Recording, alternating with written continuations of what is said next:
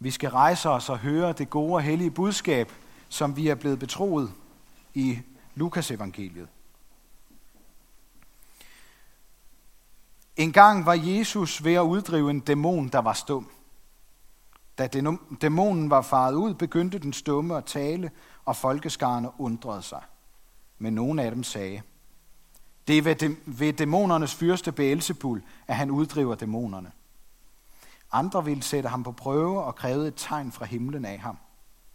Men da Jesus kendte deres tanker, sagde han til dem, et hvert rige i splid med sig selv lægges øde, og hus falder over hus.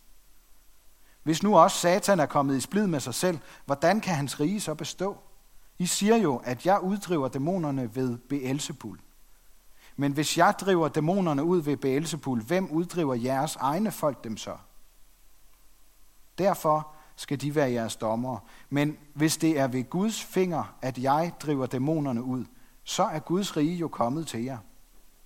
Når en stærk mand fuldt bevæbnet vogter sin gård, kan hans ejendele være i fred. Men kommer der en, der er stærkere og overvinder ham, tager han straks alle de våbne, som den anden havde sat sin lid til, og fordeler byttet. Den, der ikke er med mig, er imod mig, og den, der ikke samler med mig, spreder.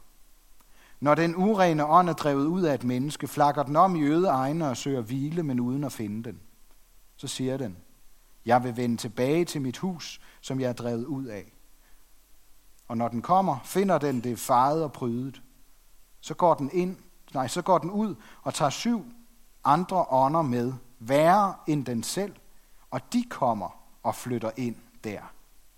Og det sidste bliver værre for det menneske end det første.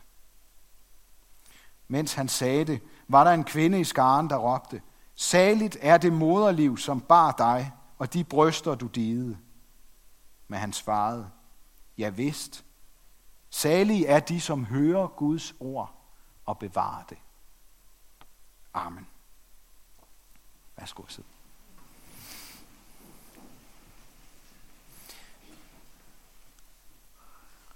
Jeg ved ikke, om I kan huske, hvordan det var at lege gemmeleg. Der er en, der står og tæller, mens alle de andre løber ud og finder det mest uforudsigelige og skumle sted og gemmer sig der. Og så kommer man først ud igen, ud fra mørket, når man er blevet fundet. Og man vil helst findes som den sidste. Det er det, det går ud på. Og så er det sådan, at små børn, de gemmer sig altid de samme steder som deres ældre søskende. Hvis de har fundet ud af, at der var et godt sted, godt gemmested, så, så kopierer de det, og så ved de ikke, at det er ikke noget godt gemmested længere, når det først er brugt.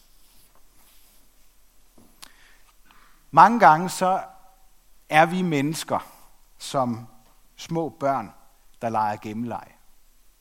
Vi gemmer os for Gud de samme steder igen og igen i de mørke kroge af vores liv. Det vi ikke vil tale højt om. Utugt og griskhed. Kort sagt, det vi har lyst til på andres bekostning. Vi leger med mørket for sjov. Hygger os med det vi har, eller det vi drømmer om, og dyrker det, som om livet handler om vores små kroge, hvor vi ikke vil findes. Og det gælder om at være den sidste, der bliver fundet. Vi vil i hvert fald ikke findes, før de andre er blevet fundet og afsløret. De, der var sammen med Jesus den dag, de legede også gemmeleg med ham. Det handlede om at finde ud af, hvad det var for en kraft, der gemte sig bag det, som Jesus gjorde. Der var en dæmon, der havde gemt sig i et menneske og gjort ham stum. Men nu havde Jesus fundet den onde ånd og drevet den ud i lyset, så den stumme igen kunne tale. Og så undrede folk sig over, hvordan Jesus kunne gøre det. Hvilken kraft kunne drive mørket ud af et menneske? Det allermørkeste mørke. I løbet af samtalen, der viser det sig, det er de trods alt enige om, at der er kun to muligheder. Enten er det Beelzebul, eller Satan, som Jesus kalder ham. eller også er det Guds finger, der er på spil. Der er de to muligheder. Men skulle det virkelig være den onde, der uddriver en af sine egne dæmoner, sådan som nogen antyder? Jesus forklarer, det giver ganske enkelt ikke mening. Men måske der er nogen af os, som allerede er stået af nu, inden Jesus forklarer, at et hus eller en kraft i splid med sig selv ikke selv kan bestå. For Satan og dæmoner, findes de? Foregår der stadigvæk en åndelig kamp i dag? Eller er vi beskyttet mod den slags overtro via vores oplyste samfund? Eller via vores kristne kultur, hvis vi stadigvæk regner de onde åndsmagter med i billedet? Jesus beskriver Satan som en stærkt bevæbnet mand, der gerne vil herske over mennesker. At vi måske ikke tror på ham, forhindrer ham ikke i at snige sig ind på os med sit mørke. Men jeg vil gerne sige det meget klart og tydeligt her i dag. Selvom Satan er stærk, er Jesus altid stærkere. Og derfor skal vi, der er døbt og tror på Jesus, ikke gå rundt og spekulere på, om vi må pludselig bliver besat. For det kan han ikke bare gøre, når vi har lukket Jesus ind i vores liv. For han er stærkere. Men det betyder ikke, at vi er immune over for satans åndelige angreb. Han vil som en klog modstander altid angriber os på vores svage punkter. Og jeg tror, han har forskellige angrebspunkter og strategier for hver enkelt af os. Men må ikke også, der alligevel er nogle fælles kendetegn for vores kultur? Jeg vil gerne nævne tre ting. Det første, jeg vil nævne, det er vores facadeliv. Vi bilder os selv og hinanden ind, at vi skal skjule, hvordan vi i virkeligheden har det. Og så hænge på. Være som de andre. Gør os fortjent til at være i samfundet, og ikke nas på det. Gør os fortjent til at være i kirken, og hjælpe til. Gør os fortjent til at være med i venneflokken, fordi vi er en af de der interessante mennesker, som andre gerne vil have i deres netværk. Gør os fortjent til at være i familien, fordi vi bare altid er der og står på mål på lige meget, hvad det skal være. Der er endda nogle af os, som har flere forskellige facader, vi bruger til at skjule os bag. Vi er dygtige til det. Vi er vant til at være på hele tiden. Og det kræver facaderne. Der er ingen, der må finde ud af, hvem jeg i virkeligheden er. Så er jeg fortabt. For når først de har set mine mørke kroge, så vil de jo aldrig mere tænke på mine lyse sider. Så bliver jeg sorteret fra, for jeg er i virkeligheden kun det, jeg kan vise og præstere over for andre. Satan er facadernes mester, løgnens far. Forklædt som lysets engel, så overtaler han os gerne til at blive i mørket og minder os igen og igen om, du er fortabt derude i lyset. Hvis du går derud, så er du fortabt.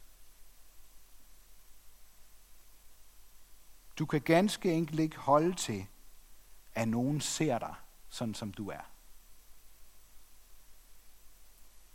Hvis vi virkelig vil opnå noget stort i vores liv, så må vi arbejde vedvarende og hårdt på vores image. Der er ikke andre veje.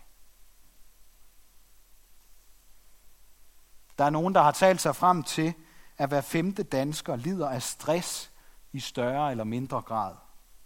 Facadeliv og stress hænger sammen. Fordi facaderne, de smukke løgne om os, æder vores selvværd op indefra og den onde glæder sig. Det andet, jeg vil nævne, det er, at vi er ramt på relationerne. Hvem har ikke bøvl med nogen fra sin familie? Og den onde fryder sig, når vi opgiver og begynder at ønske os alle mulige andre steder hen. Og så er der kampen inde i os selv. Den indre kamp, hvor vi kan høre os selv eller andre sige til os, du er ikke god nok. Du kan ikke klare det. Og er det ikke lidt rigtigt, når nogen mener, at måske op imod en femtedel af alle danskere har haft psykiske problemer? Det er de færreste, der kunne finde på at sige, at et brækket ben har noget med besættelse at gøre. Men af en eller anden grund, så er det meget lettere at komme afsted med at blande psykisk sygdom sammen med noget åndeligt, med besættelse. Hvis vi vil ud af det mørke, som vi er ramt af, hvis vi vil befries fra vores svage punkter, så er det afgørende at vide, hvad det er, der gør det mørkt omkring os. Og der findes en, som elsker mørket, og som ønsker, at vi skal elske de mørke kroge. Er der noget åndeligt eller noget psykisk på spil? Hvis vi åndeligt gør sygdom, hvad enten det er fysisk eller psykisk, så tror jeg bare, at vi gør ondt værre. Selvfølgelig skal vi bede for hinanden, og vi skal hjælpe så godt vi kan. Måske er der et bestemt menneske, som du sidder og kommer til at tænke på, som du skal være noget for lige nu, her i den kommende tid. Så vær det. Men det er helt forskruet at prøve at finde, og måske endda et psykisk ramt menneske, og så prøve at få dem til at passe ind i en eller anden forud, et eller andet forudbestemt mønster af besættelse og befrielse. Når de fleste danskere ikke længere er bange for onde ånder, medmindre de har leget med det ukulte, hvorfor skulle den onde så ikke være klog nok til at angribe os på andre områder i stedet for, som vi ikke regner med? At vi er bange for at vise, hvem vi er, og komme til kort, og forpligte os til relationer eller opdage, at vi ikke er gode nok – det kan han udnytte. Men vi er ikke besat af dæmoner, men nok nærmere besat af griskhed og utugt, som Paulus nævner, tror jeg. Og så er vi ramt af en syndflod af tomme ord. Vi er ramt og besat af relativismen, der fortæller os, at vi ikke kan vide noget eller sige noget med sikkerhed. Hverken om Gud, om vores egen værdi om det gode liv eller om meningen med livet. For det er alt sammen gemt under relativismens mørkelægning. Nogle gange så har jeg fornemmelsen af, at vi går rundt mellem hinanden og leger gemmeleg. Vi finder hver vores lille mørke krog, hvor vi sidder og venter på, at nogen skal finde os. Dyrker hver vores lille mening om livet og vores plads i det. Og så er vi i kirke i dag og hører noget helt andet. Jesus proklamerer, at han er stærkere end alverdens ondskab og den onde selv. Han siger det højt og uden forbehold, at vi ikke kan klare os uden hans hjælp. Vi er kun stærkere end den onde sammen med ham. Og ligesom han gav den stumme sin tale igen, så vil han give os stærke og udødelige ord, vi kan bruge imod den onde og relativismen. Fri os fra det onde, som bad vi. Salige er de, som hører Guds ord og bevarer det, sagde Jesus. Når nu en stum lige har fået sin stemme igen, så er det jo oplagt at tænke, at den måde, vi bevarer Guds ord på, det er ved at give dem videre. Det er åbenbart det, den onde vil bremse os i. Gør os stumme. Vi skal proklamere, som Jesus siger. Vi skal proklamere, ligesom Jesus gør det. Vi skal sige amen. Det er sandt til hans ord. Eller høre, hvad Paulus proklamerer. En gang var I mørke, men nu er I lys i Herren. Lev som lysets børn. Da jeg var barn, der kan jeg huske, at vi havde sådan en regel om, at man ikke måtte tage kvælertag på hinanden, når man slåsede. Det er der måske nogle af jer, der også har fået at vide eller aftalt. Man måtte alle ting, men lige halsen og kvælertag, det, det skulle man ikke gøre. At vi er lysets børn, det handler ikke om, at synden og det onde har sluppet sit tag i os, selvom vi er kommet ud af mørket og af hjertet ønsker at slippe for synden. Men mørket kan ikke længere tage kvælertag på os, når Jesus har frelst os. Altså gjort vores hals fri. Det er det ordet frelse betyder. At gøre halsen fri. Jesus trækker os ud af mørket, ud af vores gemmesteder, for at vi skal fylde vores liv med det, som han har til os, i stedet for alt det, vi lige synes eller føler for.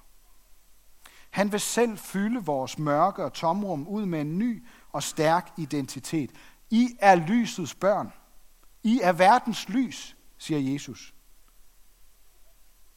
Det skal vi ikke høre som endnu et krav, ligesom Guds eller samfundets eller vores egne krav til os selv. Det er en proklamation over for det onde, og så er det en opmundring til os selv. Du er noget, du ikke selv har skabt. Og med fare for at blive misforstået, så vil jeg gerne sige noget meget lige ud. Du skal tro på dig selv. Jeg er lysets barn, fordi jeg er lys i Herren. Tro på dig selv. Du er lysets barn, fordi du er lys i Herren. Fordi hans lys skinner over dig. Lev som det lys, du er. Du skal tro på dig selv, fordi Guds kraft er på spil i din magtesløshed.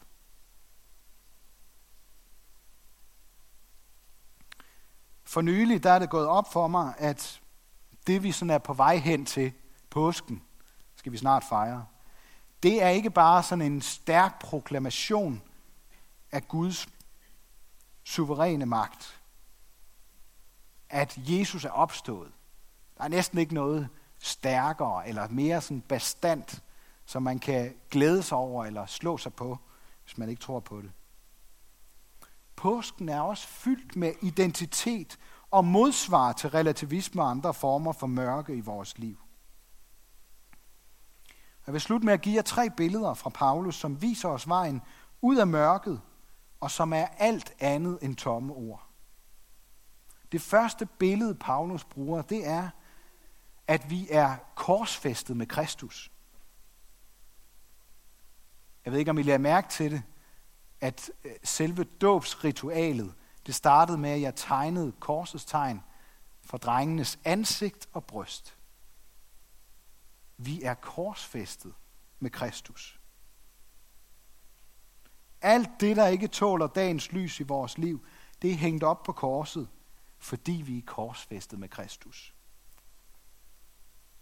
Jeg lever ikke mere selv, men Kristus lever i mig. Og det liv, jeg lever, lever jeg i troen på Guds søn, der elskede mig og gav sig selv hen for mig. Det er det første billede, Paulus giver os. Det andet, det er, at jeg i dåben er begravet sammen med Kristus for også at blive oprejst sammen med ham. Under påskens drama, der sker det lykkelige bytte, hvor min identitet som fortabt sønder fanget i mørket. Jeg sidder der i min krog. Det bliver byttet ud med Kristi identitet som Guds søn. Jeg bliver Guds elskede barn.